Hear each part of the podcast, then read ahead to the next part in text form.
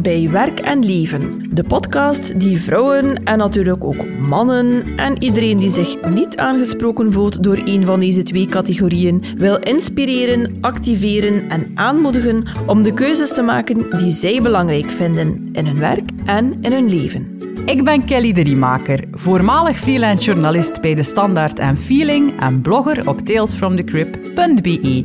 Ik ben getrouwd met Yuri en heb twee jonge kinderen, Dexter van 8 en Flo van bijna 5. En ik ben me er nog maar een paar maanden van bewust dat ik een reddertje ben. En sinds ik dat weet, gaat het al een stuk beter. Ook omdat ik gestopt ben met iedereen te proberen redden, behalve mezelf. En ik ben Anouk Meijer. Ik ben een voormalige advocaat die haar toga aan de haak hing om serieel ondernemer te worden. Ik ben getrouwd met Olivier, mama van Anaïs en Achille, en ik ben contentcoach bij Ampersand. En toen ik net als jij, Kelly, een paar maanden geleden kennis maakte met het concept redder zijn en reddersuitputting, vielen voor mij heel wat puzzelstukjes in elkaar. En die puzzel die zag er niet zo fraai uit.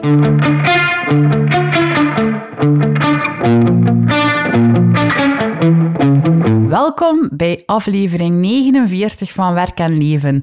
Een aflevering die volgens ons heel wat oortjes zal doen tuiten. Oh lordy, houd je vast aan de takken van de bomen of hou je vast voor, uh, ja, ik denk toch wel een paar spreekwoordelijke hamertjes die op jouw lieftallige hoofdje zouden kunnen vallen. Figuurlijk, maar toch.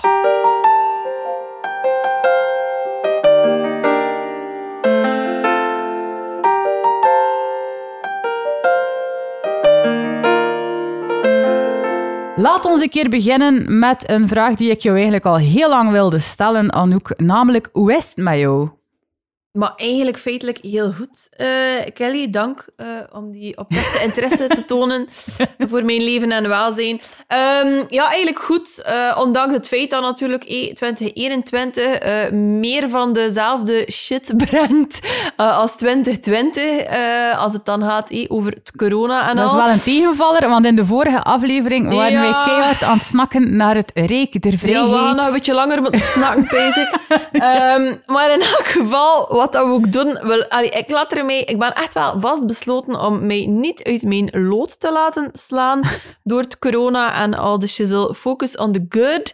En daar is er gelukkig heel veel van. Dat is waar. Eh, zo heb ik eh, zeer recent eh, mijn Big Girl pants aangetrokken en een RSZ-nummer aangevraagd, Kelly. Leg ik hier uit En voor een- de gewone stervelingen die niet zo slim zijn en dat soort dingen, wat dat, dat betekent. Dat wil zeggen dat ik nu legaal mensen mag te werk stellen als zijnde een officiële werkgever en al. Met en ik heb dat ampersand. dan met ampersand, Ja, inderdaad. En eh, dat heb ik dan ook meteen gedaan. En ik heb dus een eerste eh, vaste ehm, werknemer aangenomen. Wauw. Oh my god, yes. Dat is Ehm, wel een zeer grote stap. Dat is een heel grote stap. Het was even ook wel een mindset eh, dingetje, zo van oké, gaan we dit engagement aan? Maar het buikgevoel zat goed. Wie is het geworden? Het is geworden eh Sietske.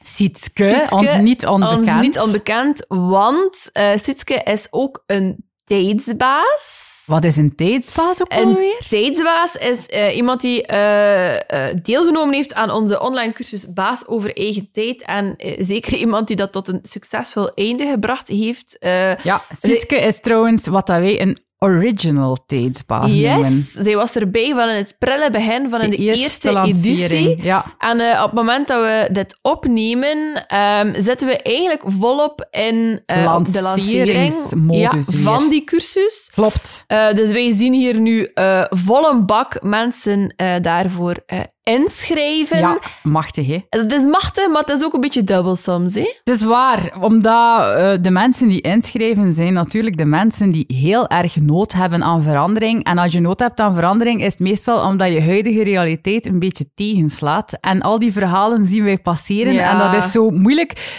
Dat doet mij een beetje denken zo aan de hoop rond de vaccinaties. Zo, je weet dat het wel goed gaat komen, maar je weet ook dat het eventjes heel lastig. Ja. kan zijn. En als je het zelf volle bak hebt meegemaakt eh, een paar jaar geleden, dan ehm, en je, je hebt veel empathie, zoals dat wij alle twee hebben. Met bakken. En ja, dan komt dat soms wel een keer hard binnen om al die is- verhalen is, te het is zien. soms wel echt heartbreaking om te zien als mensen zeggen van ja, we durven ons eigenlijk niet meer ontspannen, omdat we dan vrezen dat we gewoon nooit meer uit ons bed gaan geraken. Ja, dat, Maar echt, dat komt binnen. Ja. ja. dat is wel hard. Maar ehm, hard eh, doen wij ook ons best om, eh, om onze cursisten een hart onder de riem te steken. Ja, oh, de Amai. copywriter is er hier volledig aan het losgaan. Maar ik wil maar zeggen, ehm, het is dubbel, want het is, het is soms moeilijk om te zien. Maar er is ook echt wel, ehm, er is ook echt wel hoop. Zelfs voor mensen die zichzelf vaak een beetje uit het oog verliezen, zou ik dat noemen. Ja, ehm, ja, want wat dat vaak gebeurd is en waardoor mensen in de situatie gekomen zijn dat ze het gevoel hebben van we moeten nu echt iets veranderen, want het water staat ons aan de lippen, is eigenlijk dat die mensen heel lang eh, heel wat mensen gered hebben om zich heen, behalve zichzelf. En eigenlijk amper nog aan zichzelf hebben gedacht. En als ze voor de cursus gaan, dan wil dat zeggen dat ze weer aan zichzelf denken.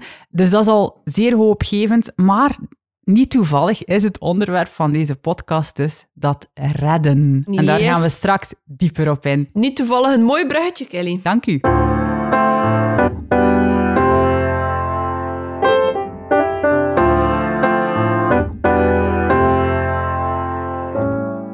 Alrighty, voordat we eh, verder gaan met het onderwerp van deze episode, gaan we nog een keer luisteren naar ons antwoordapparaat. Ja. Daar stond weer van alles op. Ah, dat is altijd zo de max om te, om te horen, om jullie stemmen ook een keer eh, te horen. Eh, ze voelden het toch een beetje minder als eh eenrichtingsverkeer. Klopt. En er stond een tijdsbaas op ons antwoordapparaat. Ja, ook Echt, al. nog een tijdsbaas. Ja, en een toftje, hè, want ze verstuurt kaartjes van Mariah Carey. En, Ah, van mij was het van Beyoncé, een ah, ja, voilà, kerstkaartje. Dus, ja, waarvoor dank, Saar? ons aller Saar. En zij had een tweeledige vraag. We gaan eventjes luisteren naar die vraag. Yes. Dag Kelly en Anouk, ik ben Saar en zoals jullie weten ben ik eh, grote fan van jullie tweetjes al, al heel lang. Ehm, en ik heb eigenlijk eens twee vragen voor jullie bedacht. Er zijn honderd vragen die ik jullie zou willen stellen, maar omdat ik vind dat jullie zo heel fijn een combinatie maken tussen werk en eh, leven, heb ik een vraag eh, voor elk van die twee aspecten voor jullie bedacht. En mijn eerste vraag gaat over werk. Eh, Stel nu dat iemand je genoeg geld zou geven om jullie bedrijf verder uit te bouwen. Wat voor soort bedrijf zou je dan willen worden met werk en leven? Welke richting zou je uitgaan? Hoe zou jullie visie eruit zien? Welke missie zou je hebben? Waar willen jullie op inzetten? En dan mijn tweede vraag gaat dan natuurlijk over het leven. Ehm, we zitten in een heel lastige periode en in een donkere tijd. En dan zijn rituelen heel erg belangrijk. Ehm, ik ben zelf helemaal niet ehm, eh, katholiek eh, en dergelijke. Maar sommige van die rituelen sluipen wel in ons leven. Zo hebben wij bijvoorbeeld adventskaarsen aangestoken eh, de voorbije weken in december. En ik vroeg me af, wat zijn zo de rituelen die jullie hebben? En die jullie in gang steken, zeg maar, wanneer het bijvoorbeeld lastig wordt. Dus rituelen die jullie nu helpen om het licht en luchtig te houden. Bedankt en eh, keep it up. Bye bye. Eerst en vooral, Saar, ehm, wat voor een toffe vragen. Ik vind ze alle twee, ik weet niet hoe leuk. We gaan beginnen... We verwachten ook niet minder Nee. van jou natuurlijk. Nee, nee, nee. Maar we gaan beginnen met vraag 1, hé, die Ja. over werk en leven. Ja, wat dat wij in werk en leven altijd maar weer willen doen, is eh, vrouwen helpen om de keuzes te maken die zij belangrijk vinden. hé. En in mijn hoofd, als ik echt los mag gaan, dan Had wordt ik. eh, ja, werk en leven een soort mediabedrijf gemengd met een soort coachingschool bijna, waarbij dat eh, we met certificaties werken. En dan wil ik zeggen dat wij eigenlijk eh, mensen leren om door te geven wat dat wij hen aanleren. Beetje het pay-it-forward model ja, eigenlijk. zoiets. Ja. Yes. Ik weet niet hoe dat jij dat ziet, Anouk. Wel, ehm, toen dat ik die vraag las, Staar, werd ik. Hoorde. eh, las, hoorde uiteraard, echt vind, Meijer. Ehm werd ik enerzijds ook geprikkeld, like of dat eh, Kelly eh, de neiging had om een keer volledig los te gaan. Maar um, anderzijds werd er ook een ander innerlijk deel van mij geprikkeld. Ja, ik weet wat je gaat zeggen, want ik heb dat ook gevoeld. Ja, het feministische. En dat is, uh, er moet ons niemand geld komen geven om ons zelf. bedrijf uit te bouwen. Ja. We will do it ourselves. Wij zorgen wel voor onze eigen funding, no worries. Um, en uh, als we dan even mogen dromen, um, waarop zetten we in? Wat is onze missie? Uh, eigenlijk heel simpel, smashing the patriarchy and world domination. Uh, maar iets tussen dat wat Kelly gezegd heeft en dat mag ook. Ja, zo. Ik vind voor, voor, ons is het altijd al belangrijk geweest. En, en hoe groter dat je wordt, hoe luider dat, die, dat het wordt. Om, om een belangrijke stem te worden in het debat. Absoluut. Um, om impact te hebben bij mensen, om zoveel mogelijk mensen te bereiken. En inderdaad, uh, dat, dat, dat gebeurt ook. En, en hoe groter dat je bent, hoe, hoe luider dat je stem ja, natuurlijk en, en, Ja, het doet ons heel veel plezier als we mailtjes krijgen van merci om om mij anders te doen kijken naar mezelf, naar mijn omgeving, naar mijn leven, om, om mijn blikveld open te trekken, om mij dingen te doen inzien die ik er, ervoor nog niet zag. Eigenlijk kan je ons geen groter compliment geven Om mij te dat. doen denken in mogelijkheden ja, ook zo. Um, en buiten de, de kaders Buiten de kaders, om kritisch te zijn. En ook in eerste instantie kritisch ten opzichte van mezelf. Ook wel mild voor mezelf, maar toch ook wel mijn eigen uh, ja, waanbeelden of verhaaltjes uh, doorprikken. Ja. Um, gewoon dat, maar op een nog iets grotere schaal. En um, ja, we gaan daar zelf voor zorgen. Hè, ja, we gaan dat zeker doen. Ja. Yes, eh, er was nog een tweede uh, hele leuke vraag van Saar ja.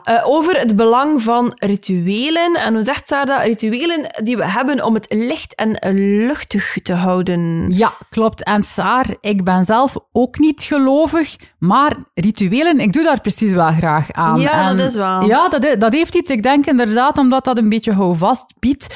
Um, we hebben ooit al een hele aflevering gewijd aan onze ochtendrituelen. Uh, dat is een van onze allerpopulairste afleveringen. Ja, ik denk dat het 21, 21 is. Ja. ja. we gaan in de show notes van deze aflevering uh, ook nog een keer linken naar die aflevering. Uh, maar daar gaan we nu niet dieper op ingaan. Maar er zijn zowel nog een paar andere dingen die ik bijvoorbeeld wekelijks of zeer regelmatig doe. Ik ga er een paar in de groep gooien. Um, elke donderdag doen wij uh, bij mij thuis aan pannenkoekenontbijt. En dat is mm -hmm. um, eigenlijk gewoon omdat ik op woensdagnamiddag stevast naar de lokaalmarkt van Ieper ga, waar pannenkoeken worden verkocht. En dat is voor ons allemaal nu echt al een ritueel dat al heel de corona meegaat. Heel de corona. Heel de corona. En ik ga dat erin houden, want ik vind dat, hoe tof. Um, er zijn nog een paar dingen. Bijvoorbeeld, als Jury en ik uh, samen een week vakantie hebben, gaan wij altijd de, de, vrijdagavond op restaurant om dat in te luiden. Ja, ja. Zo dat soort dingetjes. Allee, als ze open zijn natuurlijk. Ja, um, ik neem altijd een dag verlof op mijn verjaardag de laatste zien. jaren om dingen voor mezelf te doen. Um, nog zoiets, als mijn kindjes zes jaar zijn, gaan ze met één van ons een weekendje naar Londen. Dat is ook zo één dat we, dat we uh, ja, hopelijk uh, lukt het hé, voor een Flootje. we hebben nog eventjes. Flootje wordt vijf binnenkort. Um, vrijdag is bij ons stevast sushi-dag. Uh, dan eten we s'avonds sushi. Op nieuwjaarsdag hebben we ook zo'n dingen dat Ja, we een nieuwjaarsportret nemen, elk jaar al heel veel jaren. We gaan ook altijd wandelen en een warme chocolademelk drinken in de meest triestige tearoom die we kunnen vinden Als die ze dag. open zijn. Als ze open zijn. Ah. Dit jaar hebben we dat niet kunnen doen. Doe jij ritueeltjes? eh, Ja, Anouk? zeker. Er zijn dingen dat ik sowieso dagelijks doe. Like mijn, eh, mijn wandeling, ehm, die, dat moet ik dagelijks gedaan hebben. Of ik, eh, of ik kom een beetje zot. Ehm, wat doe ik nog dagelijks? Muziek spelen, ook al is het maar 10 minuten. Maar dat ontspant mij enorm, omdat mij dat verplicht om mij zodanig te concentreren Ja. dat ik niet aan iets anders kan denken. Ehm, wat heb ik nog? Een zondagsritueel. Dus iedere zondag ehm, de croissantjes, de gazet, sloten koffie en, eh, en een goed muziekje. En, en ja, daar, daarzonder is de zondag niet compleet, eigenlijk feitelijk. Eh, en ik heb ook zo inderdaad met verjaardagen wel belangrijke rituelen. Ik moet op mijn verjaardag aardbeientaart eten. Ah, dat ja? is eh, non-negotiable eigenlijk. Ehm, mijn zoon heeft dat overgenomen. Achille, gelukkig verjaart die jongen ook in mei. Dat waren iets minder handen. Moest die jongen in januari pakweg verjaren. Ja. Ehm, en veel cadeaus kopen op verjaardagen. Ik vind dat ook een heel belangrijk ritueel. Mooi. Ja.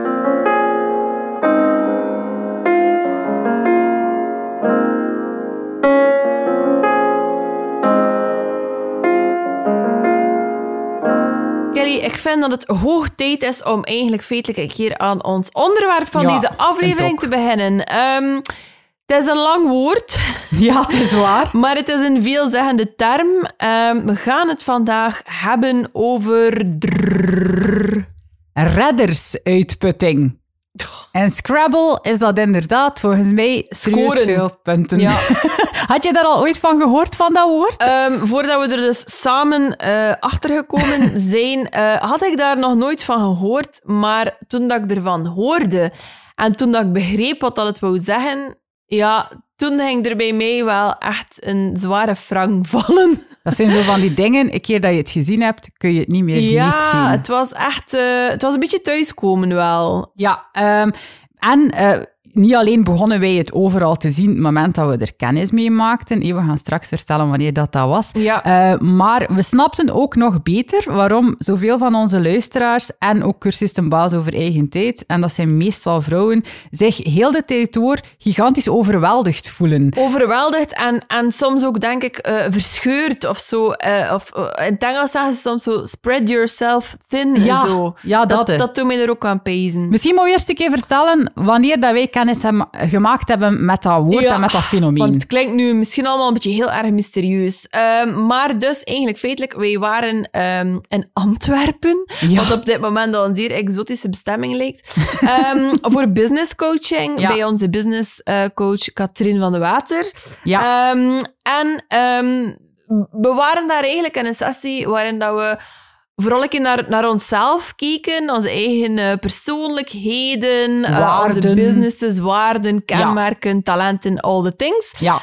En ehm, we waren dat daar zo allemaal een beetje op tafel aan het leggen, letterlijk, met zo van die kaartjes, Kaartjes. dat je soms ook wel een keer ziet in Ja. loopbaanbegeleiding of zo. En ehm, op een gegeven moment introduceerde Katrien het eh, concept van de drama-driehoek. Ja, ik weet dat, dat ze zei, hebben jullie al een keer gehoord van Maar de nee, drama driehoek? En toen zag je zo letterlijk synchroon zo twee kennenbakken naar beneden vallen. Zo van, unk, Katrien, please do elaborate. Nu, het wordt ook wel eens de Karpman-driehoek genoemd, Ja. waarmee dat jullie nog altijd niks meer weten, behalve dan de naam van de bedenker van het model. Maar het is dus blijkbaar iets dat echt alom tegenwoordig is. Op het werk, in de klas, in gezinnen en eh, allerlei relaties. Vertel het een keer. Ja, maar ja, het komt overal voor. En als je er nog niet van gehoord hebt, dus geen stress. We gaan je, we gaan je onmiddellijk eh, uitleggen. Het wordt allemaal helder. Want blijkbaar dacht je ook dat het iets met, met toneel te maken had. Bij Waarom- waarom- drama, ja. Ah, ja, zo. ja. Ja, Zo, zo, ja. er is een opstelling of zo. Of weet Ja, ik ja. veel. Enfin, Ja. Kort gezegd, hasjes, zit de drama-driehoek als volgt in elkaar. Je hebt dus eh, een driehoek, dan zijn er dus eigenlijk ehm, drie rollen te verdelen eh, Ja. in die driehoek. En dat is die van één, de redders, twee, de slachtoffers, eh, of de mensen die dus moeten gered worden, en Ja. drie, de aanklagers. Oké. Ehm, en dus die redders die voelen zich verantwoordelijk eh, om die slachtoffers te redden. Die slachtoffers willen vooral gered worden door de redders. En die aanklagers, dat is ook nog interessant, die halen graag andere mensen naar beneden. Eh, die miskennen de waarde van andere mensen. Die zijn vaak heel eh, kritisch ehm, in hun houding. Die zien andere mensen vaak ook een beetje als minderwaardig. En de redder, ja, eigenlijk, die denkt misschien dat hij goed doet. Maar die ziet ook anderen als minderwaardig. Ja, omdat hij eigenlijk hun eh, vermogen om zichzelf te redden onderschat of miskent. Ja, inderdaad. Ehm, ja. Dus een, een bijzonder boeiende dynamiek die overal Die is. overal voorkomt, ja. Ja. En inderdaad. En de slachtoffers, hé, want die heb je ook nog, die vinden zichzelf dan weer minderwaardig Ja. op een manier. Ja. En die zoeken anderen om dingen voor hen te doen die zij misschien beter zelf hadden gedaan. Die miskennen ook hun eigen mogelijkheden en ze willen dus dat andere mensen het in hun plaats doen. Ja. ja. En het is belangrijk om je te realiseren dat eh, het is zeer goed mogelijk dat je, dat je eh, een dominante rol hebt, dat je meest Ja. naar een bepaalde rol trekt. Maar eigenlijk kun je in verschillende situaties verschillende rollen spelen, eh, zonder dat je daarvan bewust bent. Ehm, maar dus meestal neigen we naar één van die eh, rollen, naar één van die modus operandi. En heel veel vrouwen, blijkbaar, neigen naar die rol van de redder. En toen dat wij dat hoorden en toen dat Catherine dat zo mooi aan het uitleggen was aan ons, Kelly, wij, wij moesten maar een blik naar elkaar werpen en we wisten al hoe laat het was. Hè?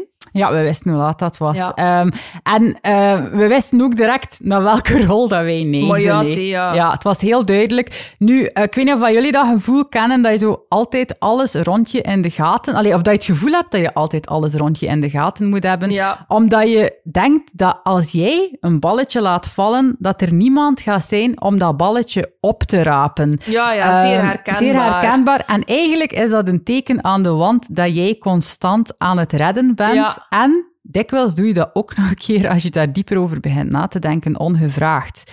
Ehm, onlangs hoorde ik in een, in een podcast eh, een, een zinnetje dat Ja. mij op dat gebied serieus deed slikken. Misschien eh, gaat, gaat het bij jullie ook zo zijn. Elke keer als we iemand redden, putten we onszelf uit. Ja. Ik dacht, oh my lord, dat is waar. Ja, dat was, toen ik dat hoorde, was dat inderdaad ook zo echt... eh, Want ik was aan het wandelen, aan het podcast wandelen, as you do. En ik hoorde dat sterretje, ben echt gaan stilstaan. Zo van, oké, dit moeten we even laten eh, inzinken. En het, het, het deed mij ook denken zo aan situaties waarin dat je... En, en ik denk dat wij ja, sowieso alle twee wel mensen zijn die de dingen zeer goed aanvoelen. Ehm, dat je zo in een situatie bent en je voelt van, ja, er is hier iets op tel, er gaat hier iets gebeuren, er gaat hier een conflict zijn. Ehm, dan zo die geneigdheid voelen om te zorgen dat er toch maar geen conflict komt, dat al de plooien glad gestreken zijn, bijna anticiperen en inderdaad de rol al overnemen voor iemand anders, die dan eigenlijk daardoor allee, niet zichzelf kan verdedigen of inspringen. En je zeer verantwoordelijk voelen inderdaad voor de uitkomst van het verhaal. En Ja. dikwijls gaat dat van mij, ik weet niet of dat bij jou zo is, ook een beetje over in controledrang. Oh, Eh, je wilt eigenlijk de situatie controleren en redden en eigenlijk al voor zijn. Ja, het als voor een- zijn, Echt, ja, als een soort dirigent Ja. die krampachtig de touwtjes van om het even welke situatie in handen wil houden, wat dan natuurlijk ja, je reinste onzin is. Je kunt dat natuurlijk niet. En dat is ook niet gezond om dat te willen doen. Want elke keer dat we eh, iemand proberen te redden, putten we niet alleen eh onszelf uit, maar dus ook die mens die we willen redden. Want eigenlijk geven we dan onbewust iedere keer de boodschap van ja, wij achten jou niet capabel genoeg om dat hier zelf op te lossen. Nee, wij hebben zelfs al een plan B en een plan C en een plan D voor jou bedacht. Omdat, wij vinden, omdat wij denken dat het beter is dat wij dat eventjes overnemen. Ja, dat wij dat hier redden. Eigenlijk is dat het verhaal. En dat is ook zo wat dat mij doet denken aan ehm, als je als default mode zo oplossingsmodus hebt. Ja. In plaats van eigenlijk eh, meer in een soort coachende rol te stappen van...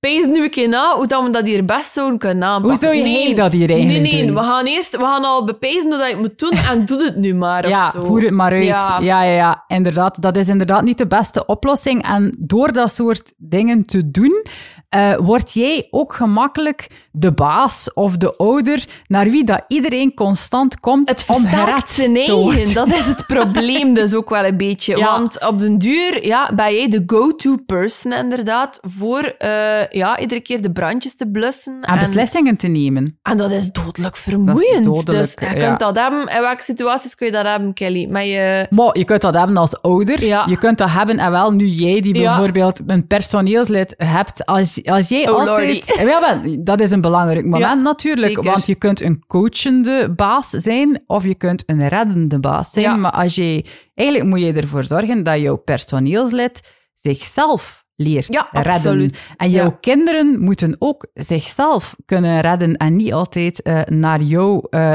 komen. Nu, die rollen, die kunnen blijkbaar... Allee, die zijn ook niet statisch, hè? Die kunnen schuiven. Nee, inderdaad. Ehm, want wat gebeurt er vaak met de, de slachtoffers bijvoorbeeld? Die worden vaak op een gegeven moment worden die aanklager. En dat gebeurt als een redder doorheeft dat hij te veel gered heeft en zichzelf daarmee uitgeput heeft. Dat wordt misschien ingewikkeld, maar het is niet moeilijk.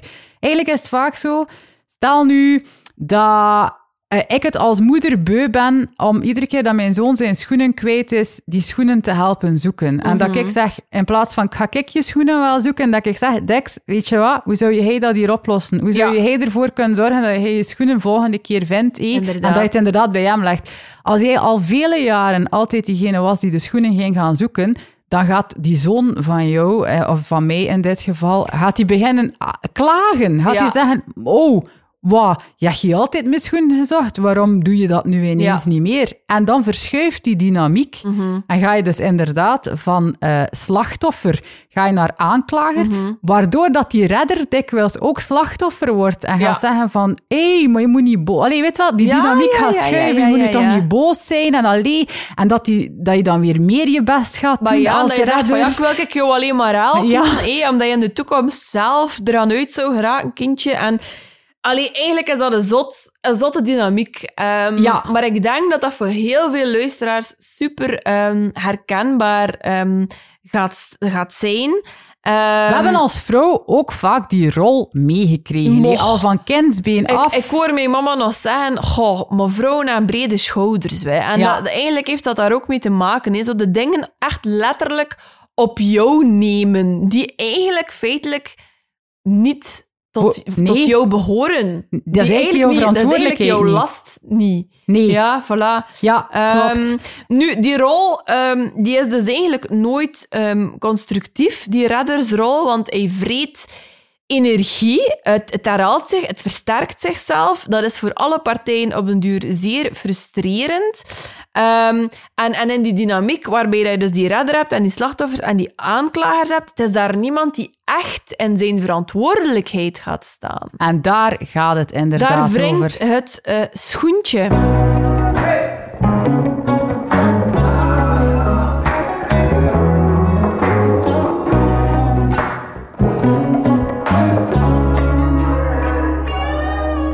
Oké, allemaal goed en wel. Die theoretische reflecties, Kelly, over de drama-driehoek. Maar hoe uitzicht dat nu eigenlijk? Want ik denk, als we het een klein beetje aan, het- aan het expliceren waren, dat veel mensen misschien wel een zweem van herkenning gevoeld hebben. Veel moeders, maar misschien ook veel ehm, eh, professionals Ja. of ondernemers. Of, of mensen die eh, in hun job Ja. andere mensen begeleiden Voilà. of helpen of zo. Ehm, maar we zeiden het al, het is eigenlijk iets dat doorheen alle menselijke relaties loopt. Het, het zit in gezinnen, het zit in bedrijven, het zit, het Ja. zit overal. Ehm, En het zit vaak al ingebakken van jongs af aan. Ja, en ehm, wat, dat, wat dat je dikwijls ziet gebeuren, eh, van waaruit dat vertrekt, is dat eh, de zogenaamde slachtoffers, die vertrekken weer vanuit angst. We hebben het al dikwijls over angst gehad. En die angst, dat, is, dat heeft dikwijls verschillende redenen, maar meestal heeft dat te maken ofwel dat er angst is voor verandering, ofwel voor het nemen van bepaalde verantwoordelijkheden, of eh, als het over kinderen gaat bijvoorbeeld, een stap zetten naar volwassenheid. Dat is natuurlijk niet zo simpel. Maar het probleem is dus in dit verhaal dat je een kind niet volwassen leert worden als jij constant als ouder aan het redden bent. Nee. Of als baas, juist hetzelfde. Ja, exact. Het heeft heel weinig zin om eh, een personeelslid of personeel in te schakelen als jij altijd diegene blijft die het op het einde van de rit oplost. Ja, en dat heeft vaak te maken met hoe dat jij jezelf en andere mensen inderdaad ook inschat. Ehm, als jij eh kampt met ideeën als als ik het niet doe, dan gaat er dat hier niemand doen. Of dan gaan ze het niet zo goed doen, like of dat ik wil dat het gedaan is. Of Ja. ehm, ik, ik kan het niet maken om, om hier niet in te springen. Of om niet eh, voor, mijn, voor mijn moeder te zorgen of mijn vader te helpen. Dat zijn zo wat dat ze in het Ehm, Engels de shoulds noemen. Ja, de ze zo van... Don't shoot all over yourself, Ja, zeggen maar het dan. is wel heel... Allee, dat, dat is inderdaad gemakkelijk gezegd, maar ik denk dat veel mensen ja, zich heel erg eh, gebonden voelen door dat soort dingen. hè. Zo van, eh, ik, ga, kijk, ik ga, kijk, weet je wat... Ga ik mij hier opofferen tussen aanhalingstekens voor de lieve vrede, voor de Ja. miserie, ga ik het maar doen. Wat het probleem is, het blijft dan ook wel duren. Meestal houdt het niet op bij die ene keer natuurlijk. En moest dan nu vertrekken vanuit een positieve vibe? Ja, maar dat meestal is meestal voelen... Nee, mensen voelen zich dikwijls ook de martelaar in Oh dat God, verhaal. ja, zo. De wereld redden en eigenlijk doodongelukkig zijn. Ik weet eigenlijk niet of dat, dat zo'n zo goed idee is. Nee, nee, dat is waar. Nu, langs de andere kant, ik heb ook wel een beetje een allergie aan het slachtoffer gegeven. Zo van, eh, wat bedoel je daarmee? En wel, mensen die dus eh, van iedereen, behalve van zichzelf, verwachten dat ze gered worden. En als er iets misloopt, ehm, die de verantwoordelijkheid ook Ah, ja. altijd buiten zichzelf eh, Ah, wel, dat, is zoeken. ook, dat zit ook hierin. En, en, die daarin, en die dan eigenlijk gaan hangen aan andere mensen om het voor hen eh, op te lossen. Ik, heb daar, ik ben dan misschien wel van nature een reddertje, maar die slachtofferrol, daar heb ik echt een, een Bloed. grondige Ja, ja, ik hoor het dan al. bloedhekel aan. Ja, maar het zit, het zit soms ook in rare dingen. Nee? Ja. Eh, ik moest ook denken, eh, jullie weten dat ik een blogger ben en ik heb ook eh, nogal wat volgers op sociale media Mhm. en zo. En zit dikwijls in rare dingen, of, of zo familieleden die mij sms'en om te vragen wanneer een winkel open is. Da- daar moest ik ook aan denken, dat je, dat je zo heel snel denkt van, ik, allee, je Ik kunt ben dat kijk toch... hier Google niet. Denk ik. Google niet. Ja, dat, dat voelt ook zo soms Ja. een beetje als... En, som, en je moet ook zelf beseffen dat je daar geen verantwoordelijkheid in hebt. Of inderdaad als blogger, bijvoorbeeld als ik eh, ooit een keer een blogpost maak over eh, knutselen met mijn kinderen, dat ik dan ineens, ik weet niet hoeveel eh, privéberichtjes begon te krijgen van Kelly, weet jij waar ze acrylverf zouden verkopen? En dan Oh denk God, ik, ja. maar allee, dat is Ja. toch raar dat mensen dan... allee, dat je denkt van, je kunt dat toch zelf outfiguren op een bepaalde manier. Ja, inderdaad. En weet je wat dat erge daarin is? Allee, het erge. Vroeger ging ik dan zelf googlen voor die oh my mensen. god. En Dat hoe lang ben je dan redden. niet bezig? Maar ja, je blijft bezig. Ja, en dat. hoe meer volgers dat je hebt... Allee, als er maar één mens Voilà. mailt, denk je nog rap van ja, ik ga dat wel eventjes zoeken voor die mensen, want ja, blijkbaar heeft hij daar zelf niet aan gedacht. Maar als er elke week tien mailen en ineens mailen er dertig eh, en jouw verantwoordelijkheidsgevoel blijft op dat gebied even hoog, dan gebeurt er iets dat ik dus voor heb gehad. eh, en dan, dan begin je te beseffen dat als je tien minuten bezig bent met voor iemand dat je niet kent op het internet te googlen waar dat er acrylverf te koop zou zijn in Ieper, dat, je, dat je kinderen jou eh, op een bepaalde manier terugkrijgen. Allee, dan ben je Ja. uitgeperst gelijk een citroen, hè? En dan zit je pas met reddersvermoeidheid. Want Klopt. dan, dan blijft er eigenlijk nog heel weinig van jou over. Nu, je bent om die exacte reden volgens mij ook gestopt, eh, Kelly, met privéberichtjes toelaten Onder op jouw andere. Instagram bijvoorbeeld. Ja, ja allee, op een bepaald moment begin je te beseffen dat je vanuit een soort pleasersgedrag dat jou aangeleerd is van als je heel, Mm. heel klein was, eh, dat, je, dat, je, dat je de verantwoordelijkheid op jou hebt genomen om inderdaad, wat ik dan strangers on the internet noem, te redden, te helpen. Ja. Eh, maar ja, inderdaad, je, allee, dat is like dat je elke euro maar één keer kunt uitgeven, kun je elke minuut van je leven maar aan, aan één iets Ja, spenderen, En zo dan gezegd. denk ik dat je dat liever geeft aan eh pannenkoeken eten met je kinderen dan aan googlen voor een wild vreemde waar dat er acrylverf te koop is. En ik het rare is dat je, dat, dat je daar soms zodanig in zit dat iemand anders jou moet zeggen, Kelly, waarmee zie je eigenlijk bezig? Waarom doe je dat hier nu Ja, eigenlijk? klopt. En je denkt, maar ja,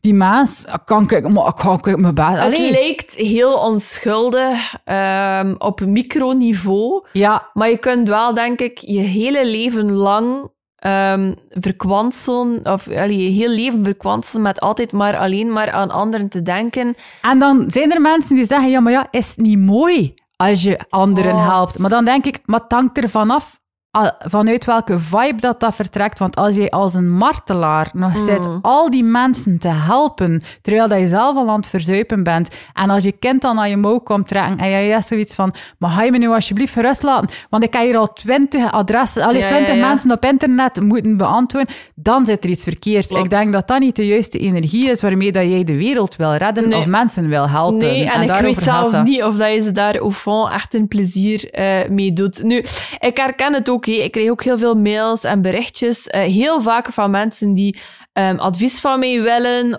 of mij ergens willen laten opdraven voor het een of het ander. ja, ja. Of die stage willen komen volgen bij mij. Of die zeggen van, oh ja, eh, we moeten een keer een koffie Oh gaan, drinken het om te zien wat dat wij voor elkaar kunnen betekenen. En eh, dat is dan vrij vertaald.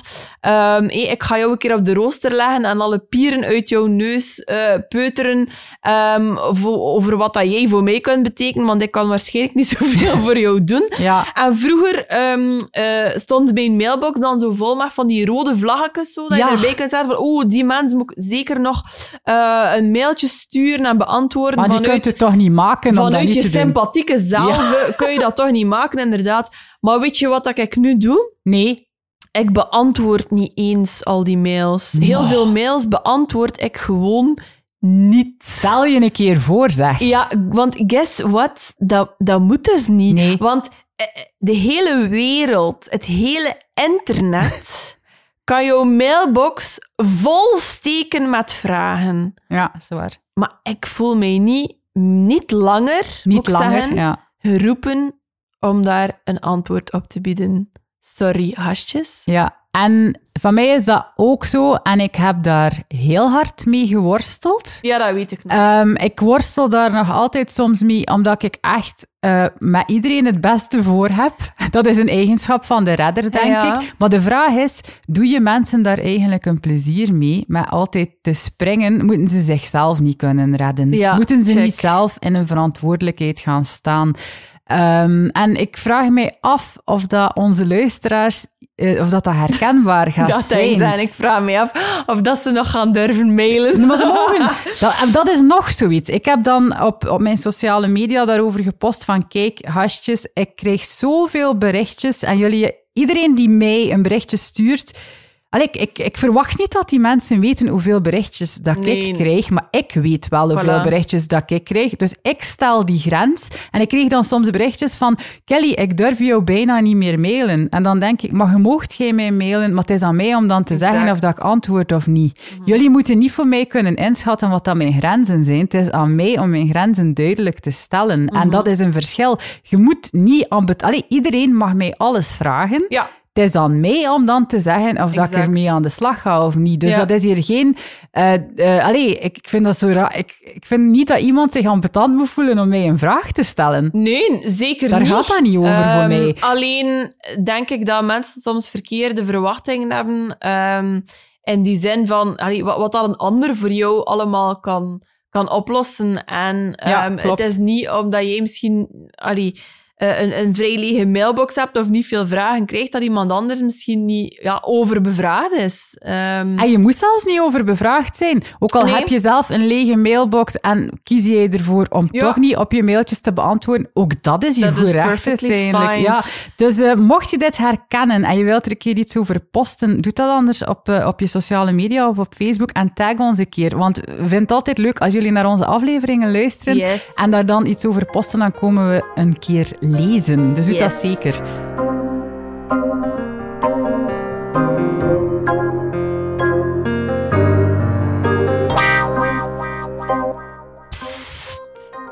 Wij eh, laten elke twee weken een versje aflevering podcast Plezier op jullie los. Maar eh, wisten jullie dat jullie ons eigenlijk tussendoor niet moeten missen? Want dat wij iedere week een heerlijke, sappige nieuwsbrief versturen.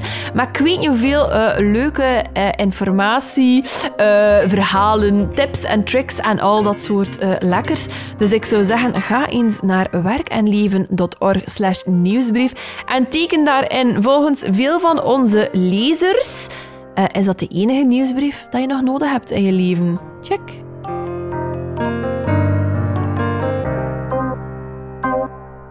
Goed, allemaal goed en wel, hé, die drama-driehoek en eh reddertjes-uitputting. Maar ehm, kun je er eigenlijk ook iets aan doen, Anouk? Wel, Het is like met elk probleem, denk ik, Kelly.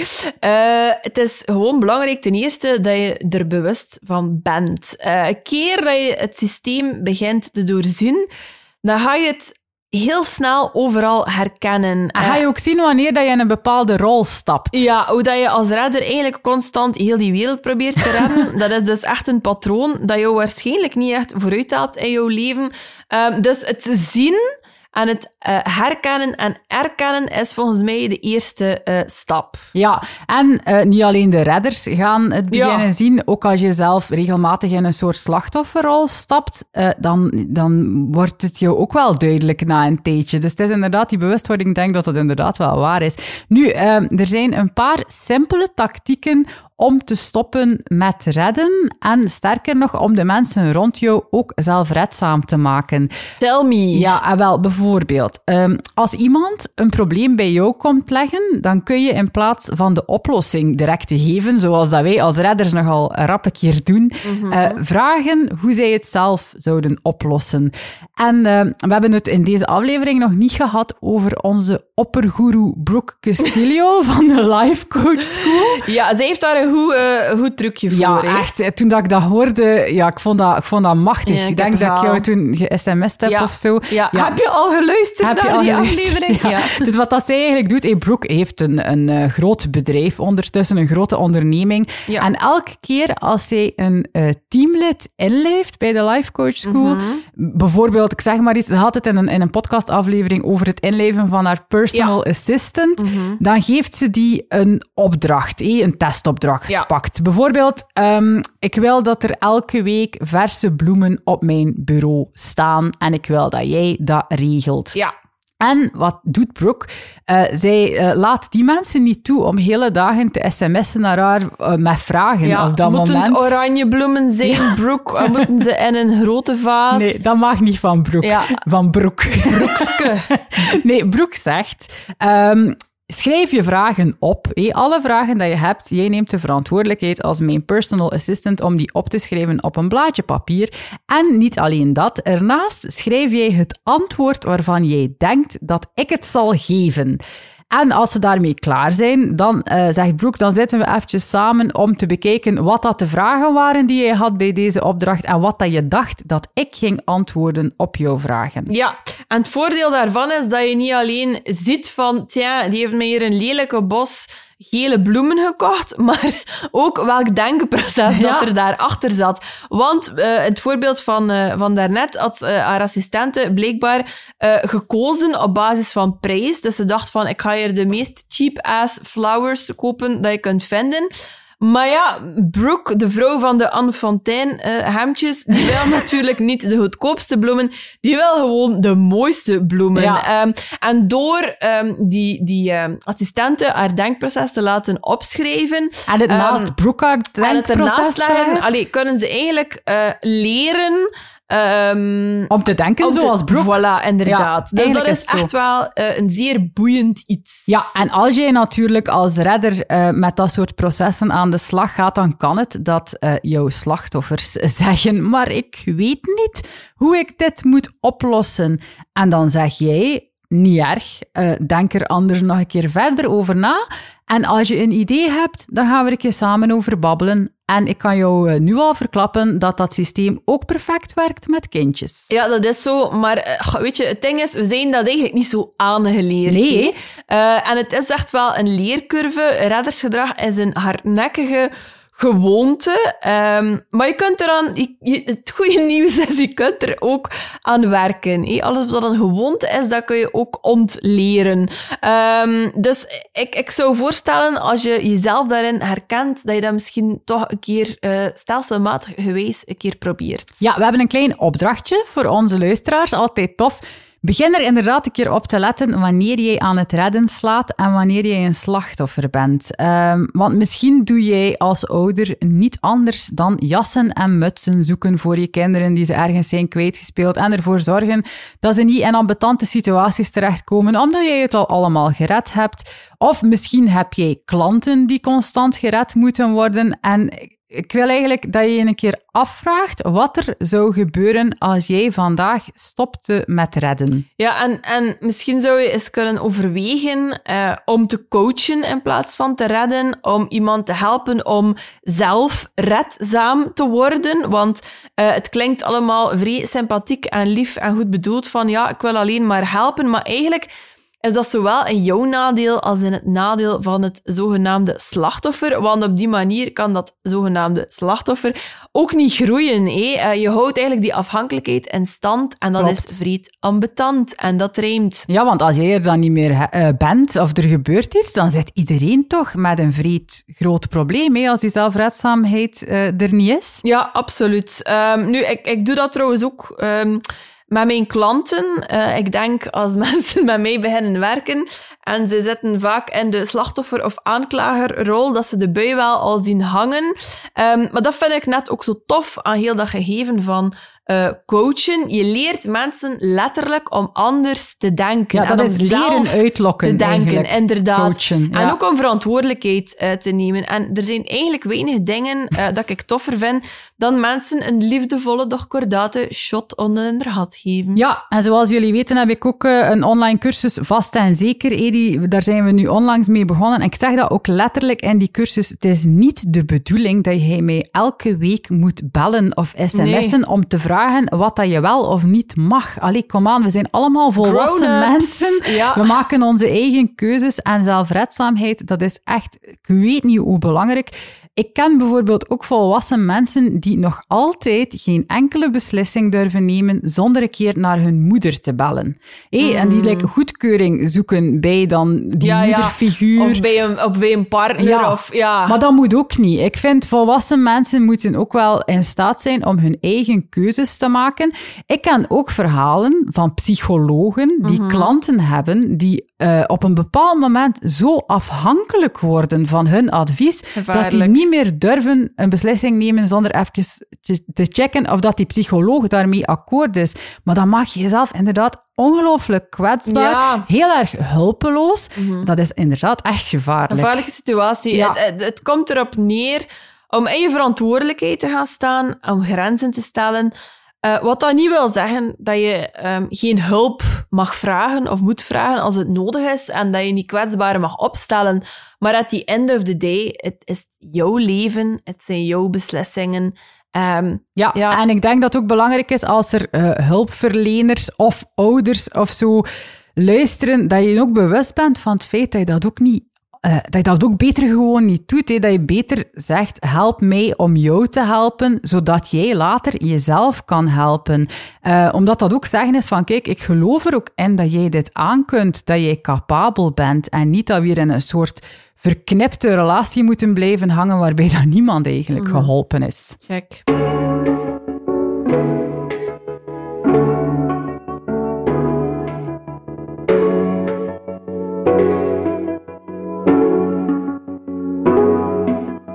Ja, santé, ratje. Dat was weer een serieuze boterham, is hè? Ja, en ehm, ik hoop dat, dat er bij jullie evenveel ogen zijn opgegaan. Zijn er maar twee waarschijnlijk. Maar ehm, allee, voor mij is dat een belangrijk moment geweest de afgelopen maanden om kennis te maken met die drama-driehoek. Dat heeft voor mij heel veel in gang gezet. Dat is een beetje Ja. gelijk met die aflevering van Perfectionisme Oh vorig seizoen Ja. of, of Je- een paar afleveringen. Je merkt het, wij hebben veel persoonlijke groei doorgemaakt de voorbije maanden. en die drama-driehoek leren kennen was een van die momenten die bij mij echt van alles veroorzaakt hebben. schellen van de ogen en dergelijke. nu, mocht het zo zijn dat dat bij jou misschien ook wel een, een serieus belletje heeft doen rinkelen, dan zouden we het heel erg fijn vinden mochten jullie ons, eh, je verhalen met ons delen eh, via de socials. Eh, dus kom ons een keer opzoeken. Eh, op Instagram of op Facebook vind je ons onder werk en leven. En kom daar eens eh, vertellen eh, of dat je je herkent in die reddersrol, of dat je misschien eerder in een andere rol ziet, hoe dat je dat tegenkomt, of in welke situaties dat je dat tegenkomt in je dagelijkse leven, en wat dat je daar misschien wel aan zou willen veranderen. Wij zijn super benieuwd om van jou te horen. Ja, en ook in verband met die dynamiek, wanneer dat een slachtoffer, wanneer dat je een, een slachtoffer hebt veranderen in een aanklager en zo. Ik Ja. zou dat inderdaad heel fijn vinden om een keer die verhalen te lezen. Ja, Ja, dus zeker ja, doen. inderdaad. Tag ons een keer dat we het zien, allee, dat, we, dat we kunnen komen kijken. En zo zijn we eigenlijk aan het einde van deze aflevering Yes. gekomen. En eh, wij hopen in elk geval dat je er iets aan gehad hebt. Mhm. En wij hopen ook dat je al eh, klaar zit voor de knaller van een episode 50. Onze jubileum eh, aflevering. We gaan er nog niet te veel over vertellen op dit moment. Maar eh, Wordt de max. wordt in ieder geval de max. Ik zou zeggen, geniet van deze prachtige dag die het ongetwijfeld zal zijn in de verre toekomst. Ehm, en ehm, ja, als je nog niet geschreven bent op de nieuwsbrief, volg ons. Eh, laat ook een keer een review na in iTunes. Je doet ons daar een enorm groot plezier mee. Ja. Ehm, en eh, tot heel erg binnenkort, die gastjes. Dankjewel om te luisteren. Bye bye. Doei!